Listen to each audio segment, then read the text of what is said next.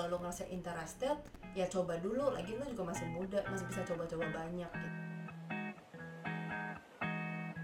nggak ngerasa ada motivasi gitu loh untuk kerja gitu di situ So-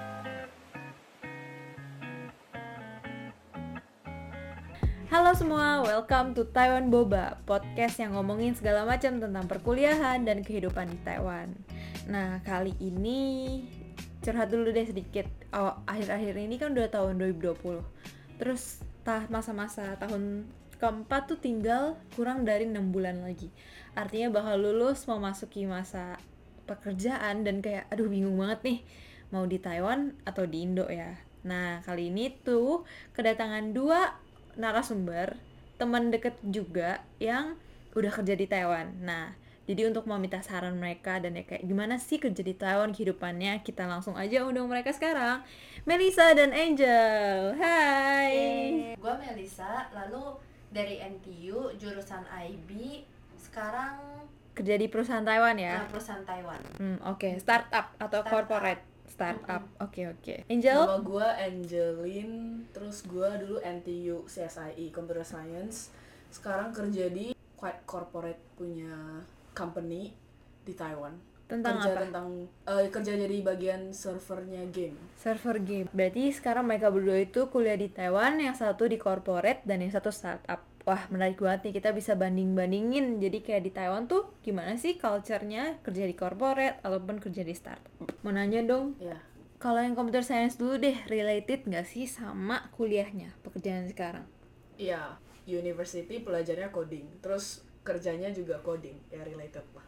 Oh, berarti yang dipelajarin di sekolah semua yang kayak kelas-kelasnya itu berhubungan sama yang di pekerjaan, kepake. Iya, kepake. Aku pakai. Iya. Kalau misalnya yang IB nih, yang IB jujur nggak tahu ya relatable atau enggak ya sama-sama marketing ada marketing sih cuman sebenarnya menurut gua lebih ke belajarnya langsung di on the spot gitu bukan gara-gara kuliah makanya bisa di pekerjaan ini gitu Ya gue setuju sih, apalagi kalau marketing kayak di sekolah tuh belajarnya kayak kayak 4, broad banget gitu 4P gitu kan, kayak 4P, terus yang kayak pakai SWOT, iya gak sih? Tapi kalau misalnya di kehidupan nyata tuh lebih pakai ads, pakai Google, sosmed uh-uh. gitu, kayak beda banget sih. Itu implementasi dari dari teori-teori itu. Iya, kayak implementasi. teori tuh kayak buat fun sih kayak analyze kayak lo Hmm. abis ini mau step apa gitu tapi kalau yang langsung lakuin kebanyakan belajar langsung sih di Belajar langsung di life-nya real gitu. life. Mm-mm. Ya sebagai dasar sih ya, tapi nggak nggak berhubungan banget Iya, sebenarnya. berhubungan banget Oh berarti beda banget sama yang computer engineering, Hmm. Iya, computer science. computer science. Oh ya salah, computer science. Buat dapat kerjaan yang sekarang, cari kerjanya berapa lama sih dari kapan mulainya?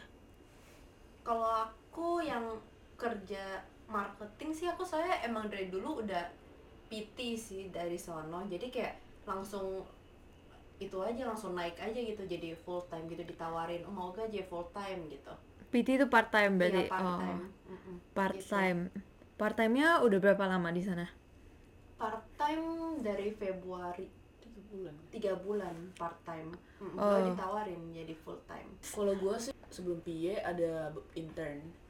Dari sana juga dikasih offer gitu. Cuman gue gua merasa gue harus eh, melangkah Upgrade. upgrade gitu ya. Lebih bagus daripada company intern gue lah gitu.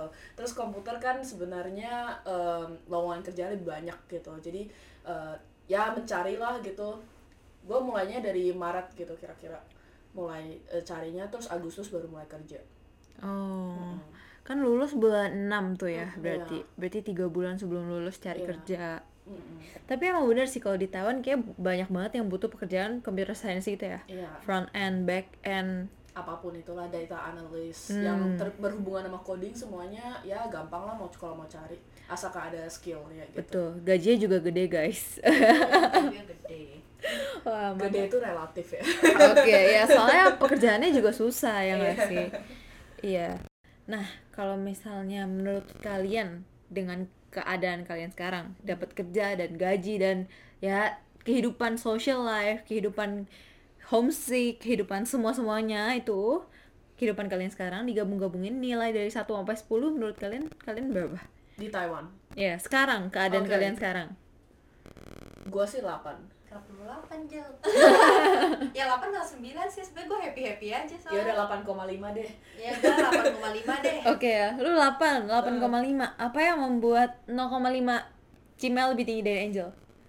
Coba tanya Cimel Apa? saya Cimel lebih happy Lebih happy? Iya. oh ada pacar kali Oh, Iya. kurang di sini ada 0,5. pacar ya Oke, Yang oke. itu 9 deh ya 9. Oke, oke.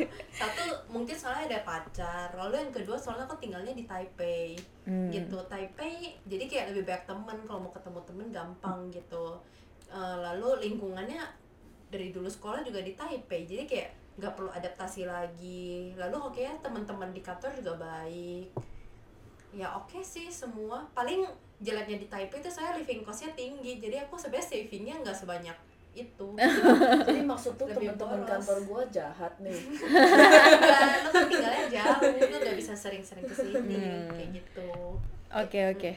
Angel, kalau misalnya dua lagi kan masih kurang tuh. Hmm. Tadi 10 kan Iya. fullnya.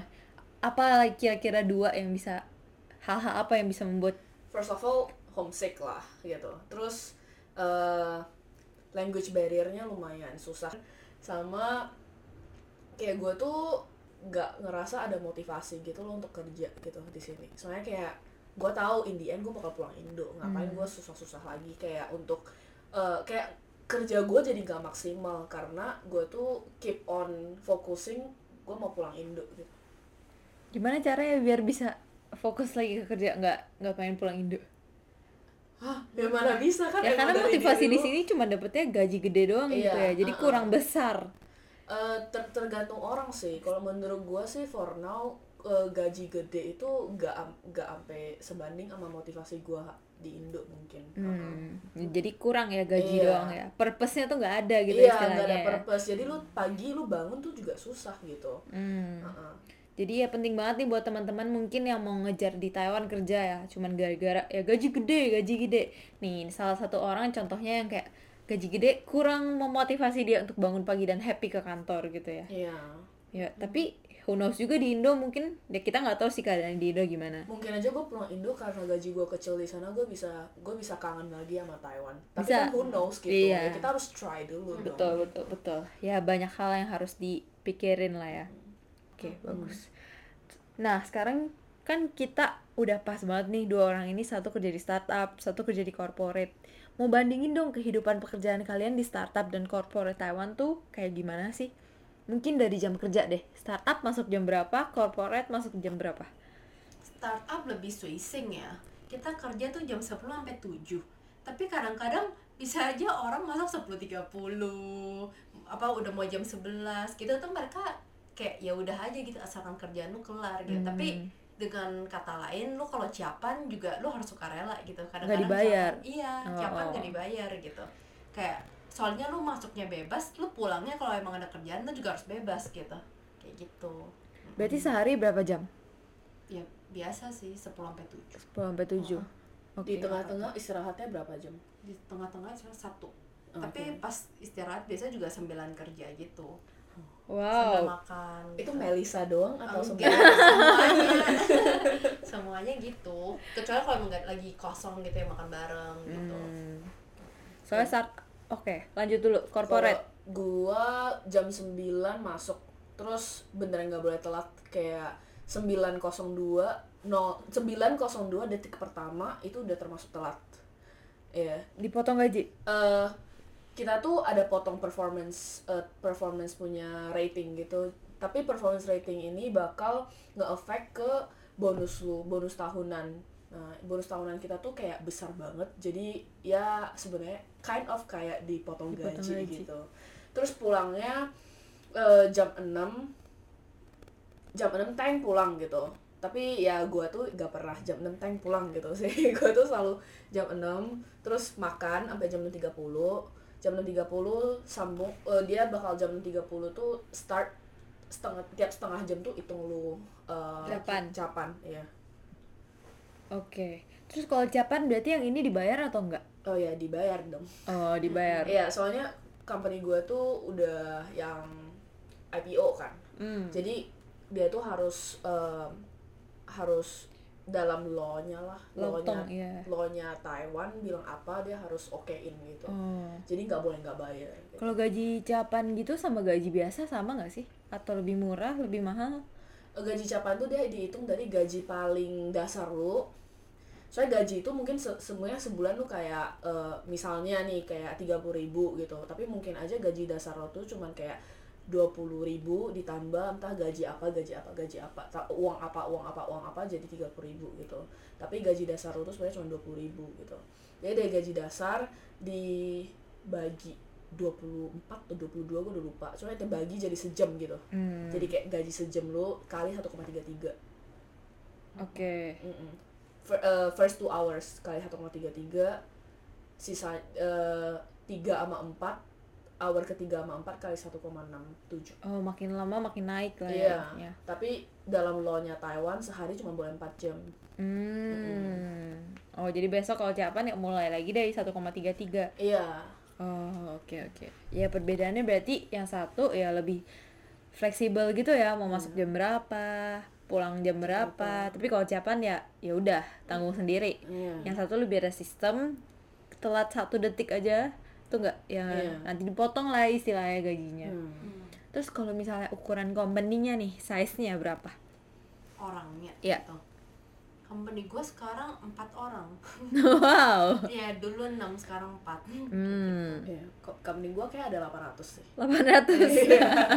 kita eh, satu building gitu 8 lantai Wow.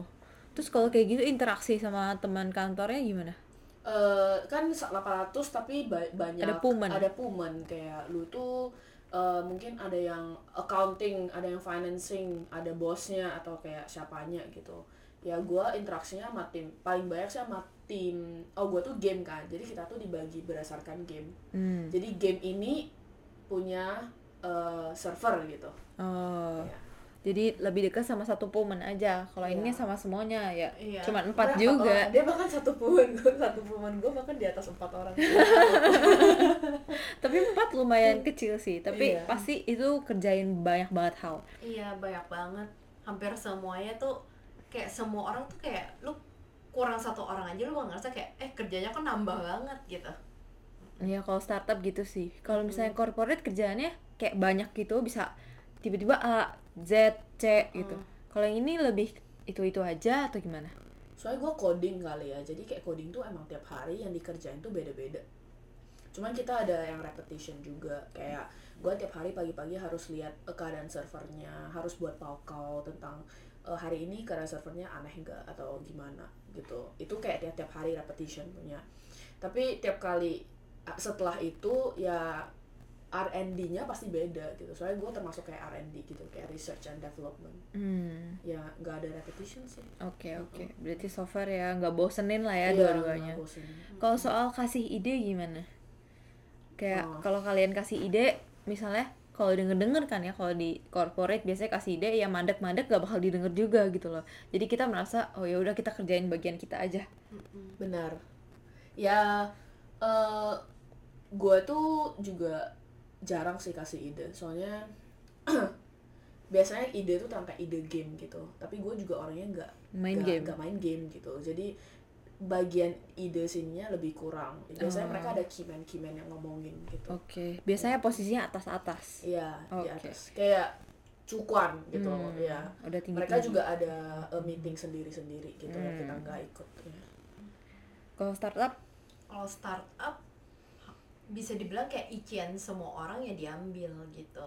Heeh, cuman soalnya kan orangnya dikit lalu aku sebenarnya perusahaan Indo Taiwan gitu. Lalu orang Indonya cuman aku doang gitu jadi kebanyakan aku ngomong apa ya mereka terima gitu. Soalnya kan cuma aku Keyman. doang Indo gitu. Dia Iya. gak ada dia Indo nggak bisa. Iya, nggak ada dia perusahaannya ya, kayak gitu. Cuman ya itu enaknya startup gitu maksudnya kayak lu beran belajar kayak lu ngasih ide berarti kalau ide yang gak jalan atau apa lu yang tanggung gitu. Hmm. lu yang konsekuensi. Jadi kayak gara-gara lu harus tanggung lu pasti tiap kali sebelum keluar ide lu bakal mikir yang beneran jelas gitu. Lu bakal mikir kayak ini bakal berhasil enggak? Gitu. Kayak uangnya maulinya berapa? Kayak beneran belajar semua dari kayak purchase bikin ide prosesnya gimana cara apa launchnya gimana jualnya berapa gitu-gitu lu beran ngitung semuanya sendiri gitu. Jadi kayak beran belajar Oh, banyak uh, uh, dari awal sampai akhir soalnya gitu. mereka kalau keluarin ide itu kayak palingan langsung ke bosnya gitu Mm-mm, terus langsung bosnya merasa bosnya merasa oke gitu. Ya udah. Iya. Tapi kalau kita keluarin ide itu kayak lu Banyak. harus ngomong ke cukan dulu cukannya merasa lu udah kayak di di challenge beberapa kali udah merasa udah oke banget baru lu harus ngomong Naikin. lagi kita harus tulis paukal hierarkinya gitu-gitu. tuh banyak Iya. prosedurnya panjang panjang mungkin lu sekali keluarin lu sekali mau iniin ide berapa bulan baru bisa baru bisa benar terrealisasi Iya, iya, iya. itu pun kalau bagus Iya. gitu Iya karena emang kalau di corporate kan sistemnya pasti juga lebih SOP-nya jelas Iya. lebih jelas, jelas. dan lebih ribet gitu lah ya. Kalau misalnya startup emang bisa lebih dekat kepada bos, bisa nyampein apa-apa terlalu lebih bos. gampang gitu ya.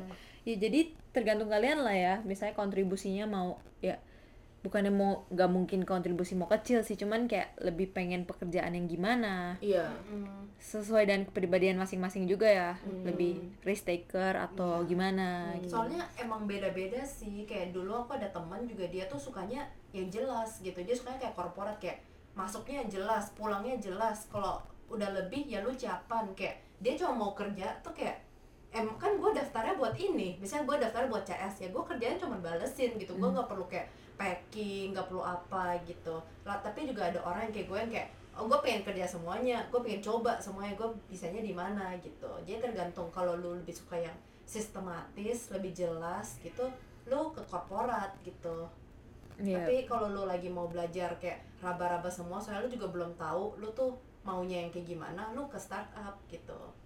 Menurut gue sih gitu. Terus kalau lu tipe orangnya yang lebih eh, bakal lebih termotivasi kalau lu terappreciate atau dilihat menurut gua lebih bagus ke startup sih Iya. soalnya di corporate tuh kalau mau di appreciate dan dilihat itu Susah. Uh-uh. Sikut Iya. kanan, sikut kiri. iya bener Tapi bener sih waktu itu gue pernah nanya, kan gue waktu ke pas summer kemarin intern kan di corporate juga.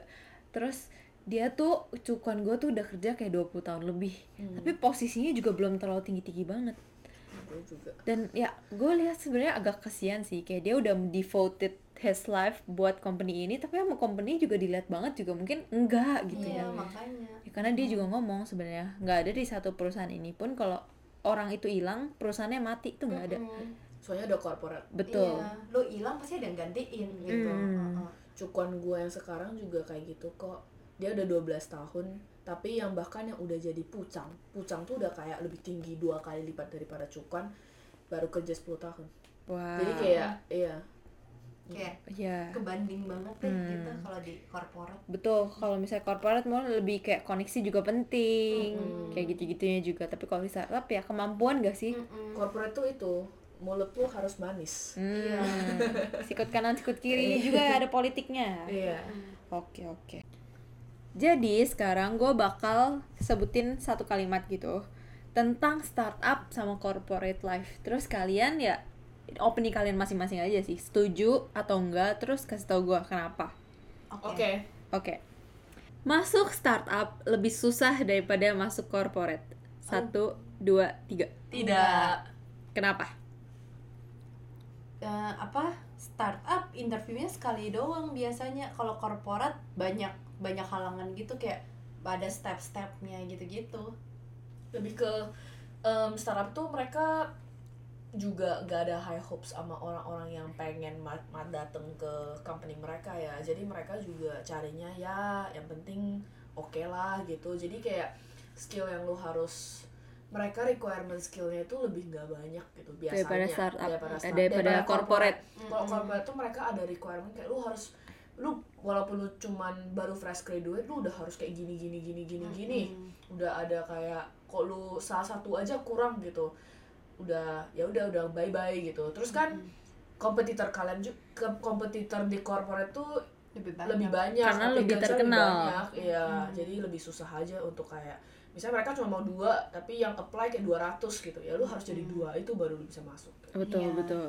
di saringnya tuh apa ada HR lihat personality lu bagus gak cocok gak sama visi misi company lo technical lihat cocok gak sama technicalnya nanti sama manajer cocok gak sama manajernya banyak deh Panjang gitu. banget ya kalau Panjang, corporate. iya. corporate Iya. panjang deh. corporate yang kita sebut-sebut semua yang bagus semua yang big names gitu ya Hmm, lebih lebih panjang cara masuknya Oke, next. Benefit di corporate lebih banyak daripada startup, tapi gaji lebih kecil daripada startup. Setuju nggak? Satu, dua, tiga. mostly benar so ya most kayak nggak semua nggak apply ke semuanya ya Iya. Mm-mm. tapi biasanya startup lebih tinggi Kenapa kira-kira startup gajinya lebih tinggi? soalnya startup kerjanya lebih banyak harus lihat lah kalau misalnya lu kayak corporate yang big names like Shopee seingat setahu gua ya Shopee itu gajinya tinggi banget gitu Hmm. Heeh. Mm-mm. kan dia udah termasuk corporate lah kayak Iya. startup yang lumayan gede Iya, yang udah kayak iya. corporate gitu Heeh. tapi eh, kalau masalah benefit corporate emang lebih lebih banyak sih biasanya Mm-mm, benefit corporate lebih banyak Biasanya dapat benefit apa aja sih?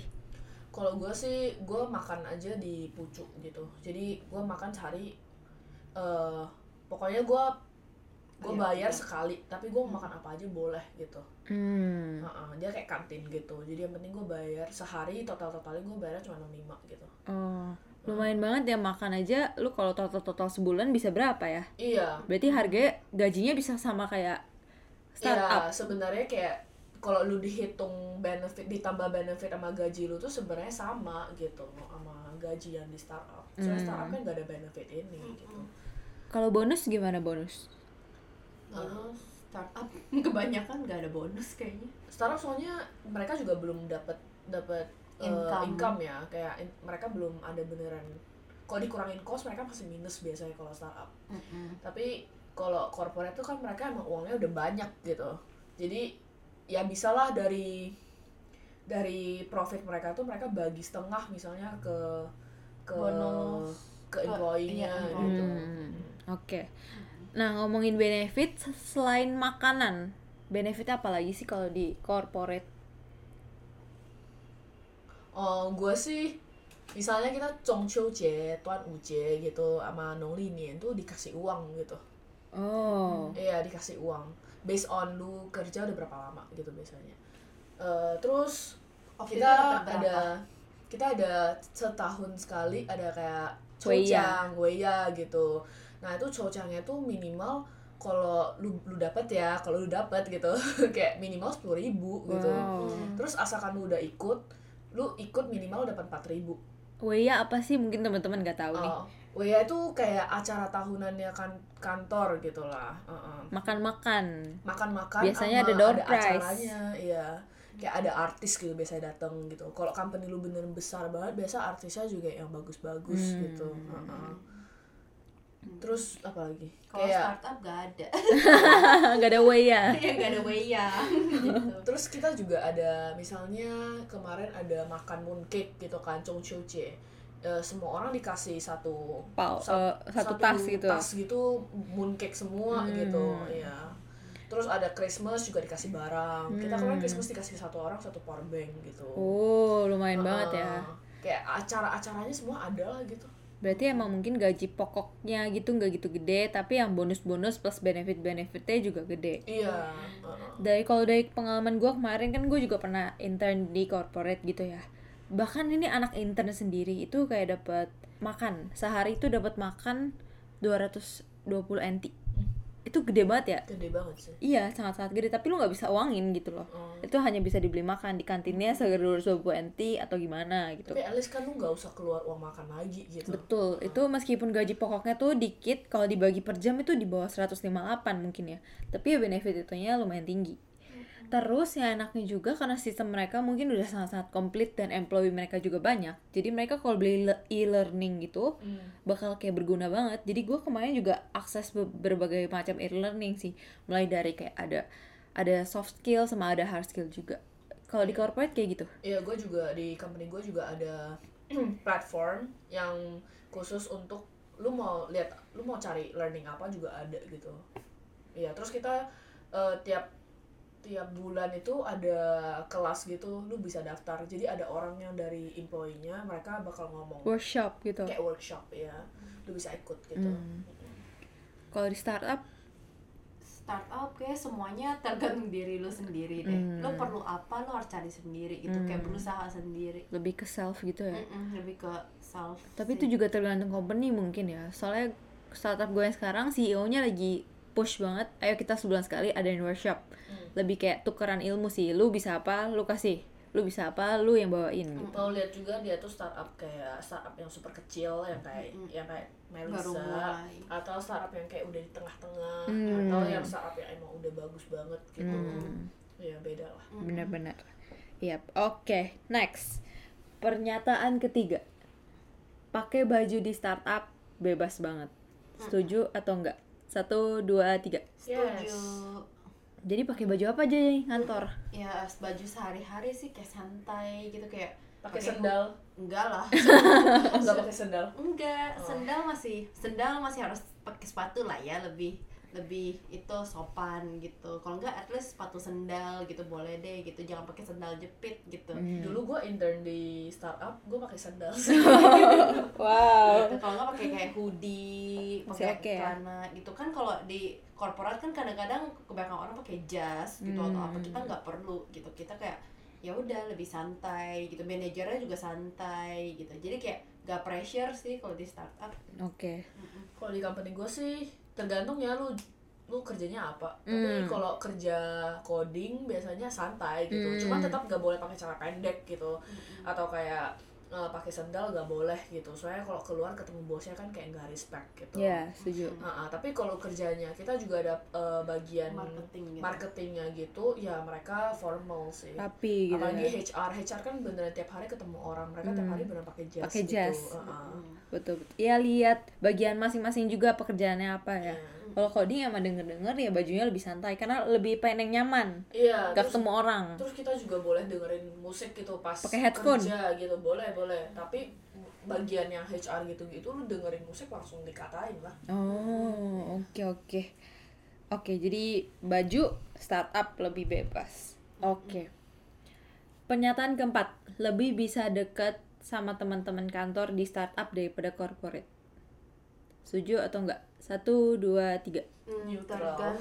Iya tergantung. Gue merasa neutral sih, ya. lebih ke kayak kalau startup lu bahkan bisa temenan sama bos gitu. Tapi kalau korporat deket juga sama temen. Tapi temennya mungkin satu tim gitu. Kayak nggak sampai bos gitu. Soalnya nggak mungkin temen sama satu kantor 800 orang gitu. Bener-bener. Mm. Mm-mm. Tapi kemungkinan lu ketemu banyak temen ya lebih baik di corporate soalnya corporate ada 800 orang yang lu bisa temuin gitu. Mm-mm. Tapi mungkin kayak teman aja gitu ya pernah lihat aja kali ya Mm. iya, tapi ya gue juga deket sih sama kayak orang tim gue aja gitu. Orang-orang tim gue aja. Oke oke. Next. Environment di startup lebih bagus daripada di corporate. Setuju atau enggak? Environment bagian apa nih? Kayak gedung. Oh. itu sudah jelas salah korporat lebih bagus Ada apa aja di corporate? Eh, ada apa aja? Oh kita ada gedung kan, kayak ada gedung, terus kita juga ada tempat parkiran. Jadi misalnya lu lu naik sepeda nih ke ke kantor, kayak ada khusus gitu tempat parkiran buat lu gitu. Jadi nggak usah takut kena hujan, ada basementnya sendiri gitu. Terus kita juga ada kartu, kayak kartu Buat absen gitu buat ya? absen iya heeh. terus kita juga kalau makan itu eh, bisa nggak usah bayar dulu sekarang kita pakai kartunya pip gitu terus entar pas kita gajian baru dihitung gitu Hmm. jadi ya gampang gitu kan terus gue juga ada ada cafe bar Oh oke. Iya jadi kayak kalau beli kafe gak harus keluar gitu nggak harus ke 7-Eleven depan aja ada gitu Hmm. Terus kita juga ada Gym. ada tempat gym ada gym ada kayak basketball court gitu. Terus ada tenis meja gitu. Kayak banyak lah ininya.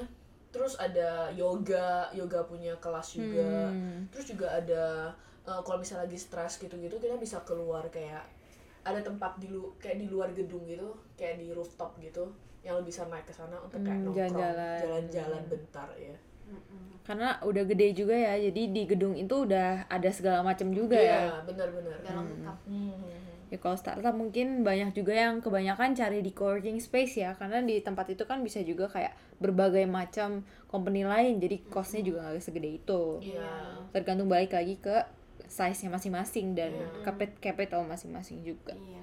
Oke, pernyataan terakhir. Di startup buat naik jabatan lebih gampang. Setuju atau enggak? Satu, dua, tiga Iya, setuju banget sih.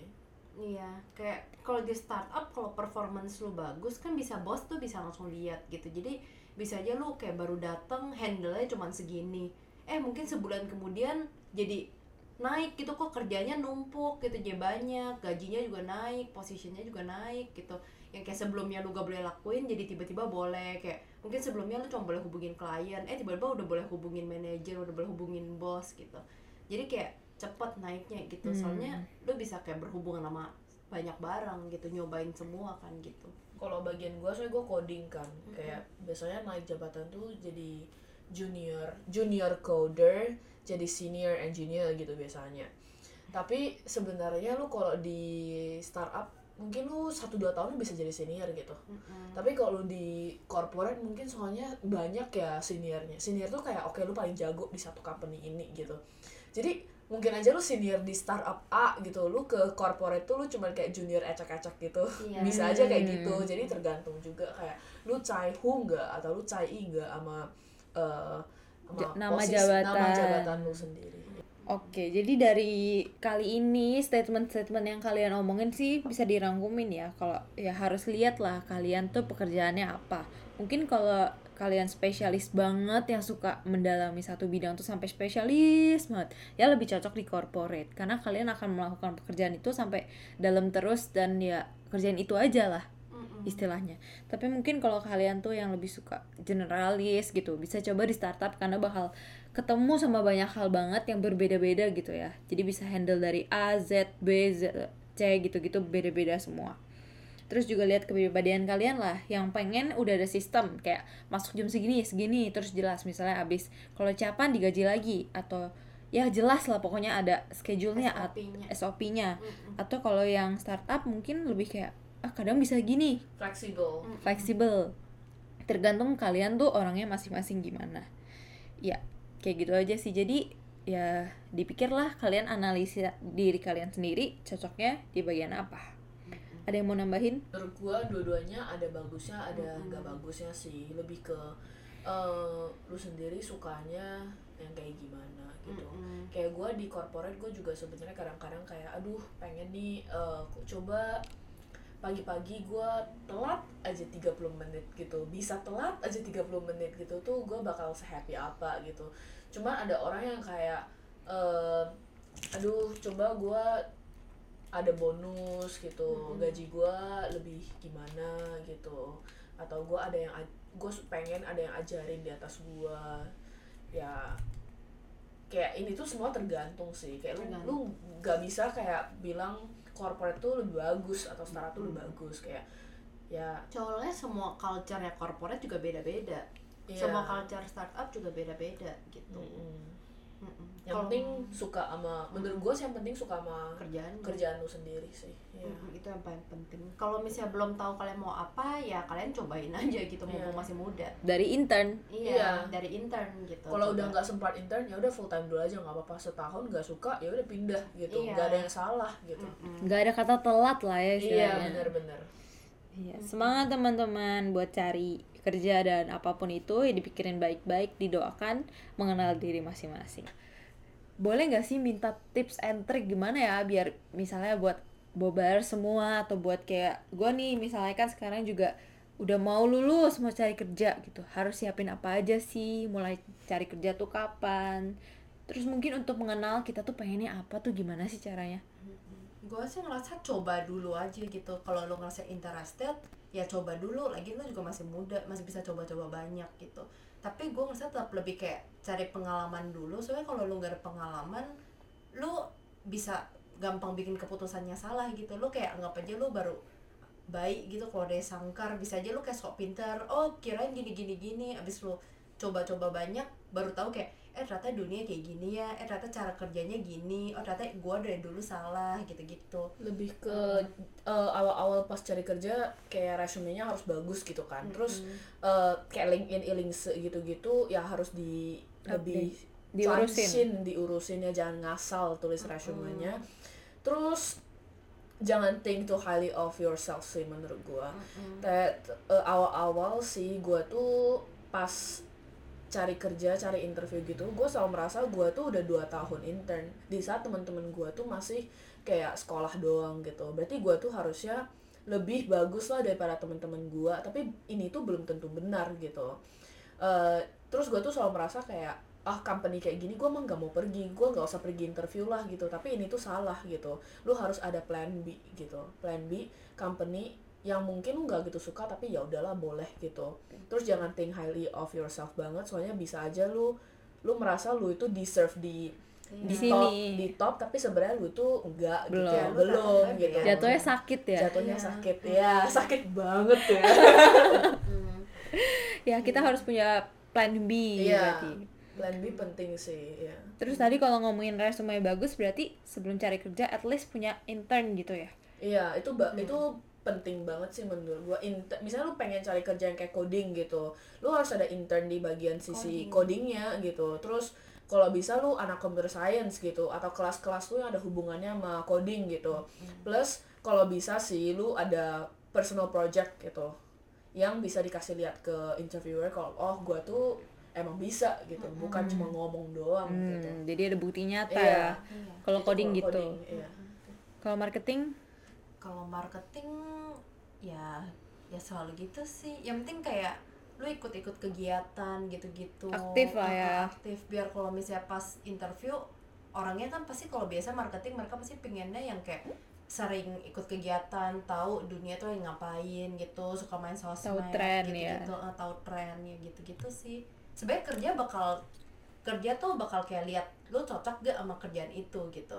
Kebanyakan gitu. Kalau skill tuh sebenarnya kalau bisa lu udah punya tapi kebanyakan sebenarnya diasah lagi pas lu baru mau kerja gitu pasti belajar lagi Eh, nggak sih diajarin lagi gitu Mm-mm. Hmm, Oke oke.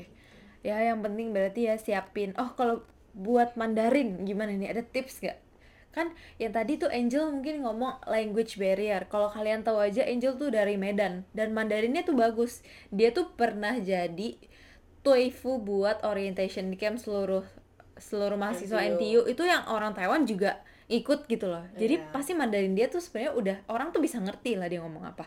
Tapi udah begitu pun dia masih ngomong wah language barrier. Soalnya Mandarin yang kita belajar tuh kayak kayak sama aja logiknya sama orang luar mau belajar bahasa Indonesia tapi pas dia ke Indonesia tuh beda gitu loh. Orang di semua tempat tuh ada kayak slang words eh, yang mereka tuh pakai dan kita nggak belajarin gitu. Jadi sering banget pas mereka ngomong kayak hahaha tapi gue nggak ngerti gitu. Itu tuh one of the barrier banget gitu. Terus mereka suka banget pakai kayak perumpamaan-perumpamaan yang kita bahkan nggak ngerti gitu menurut gue sih. Tapi kalau kayak conversation gitu itu udah harus udah harus bisa lah menurut gua. Itu udah paling cheapen paling Ya, paling dasar. paling dasarnya. Oke, kayak yang lu harus bisa sebelum lu kerja di company Taiwan ya bukan Hmm. company multinational yang pakai bahasa Inggris. Oh, oke oke. ya soalnya namanya kan lu di Taiwan kalau lu gak bisa bahasa Taiwan yang buat conversation aja lu gimana caranya ngobrol sama atasan lu atau kayak rekan kerja lu gitu. Kan rekan kerja lu nggak mungkin Indo semua gitu. Hmm. Ya buat teman-teman berarti ya Mandarinnya dibagusin, itu harus banget sih. Cari Kecuali- pengalaman yang kecuali kalau banyak. mau langsung balik Indo gitu. Kalau mau di Taiwan Mm, tapi harus ya. namanya skill kan gak ada salahnya buat belajar lebih gitu. Nggak bakal ada jeleknya sih Betul betul. Ya jadi good luck deh buat kalian berdua di Taiwan kerjanya. Semangat terus, jangan habis motivasi. ya semoga setelah eh, dengerin podcast ini teman-teman juga yang misalnya mau cari kerja di Taiwan ataupun ya mau balik Indo pun kira bisa dapat insight lah gimana sih tentang kehidupan setelah lulus. Makasih banget buat Angel sama Cimel yang udah sharing di podcast kali ini. thank you juga Taiwan Boba udah invite ya. Segini dulu podcast kita kali ini. Till next time, Bobers. Bye. Bye.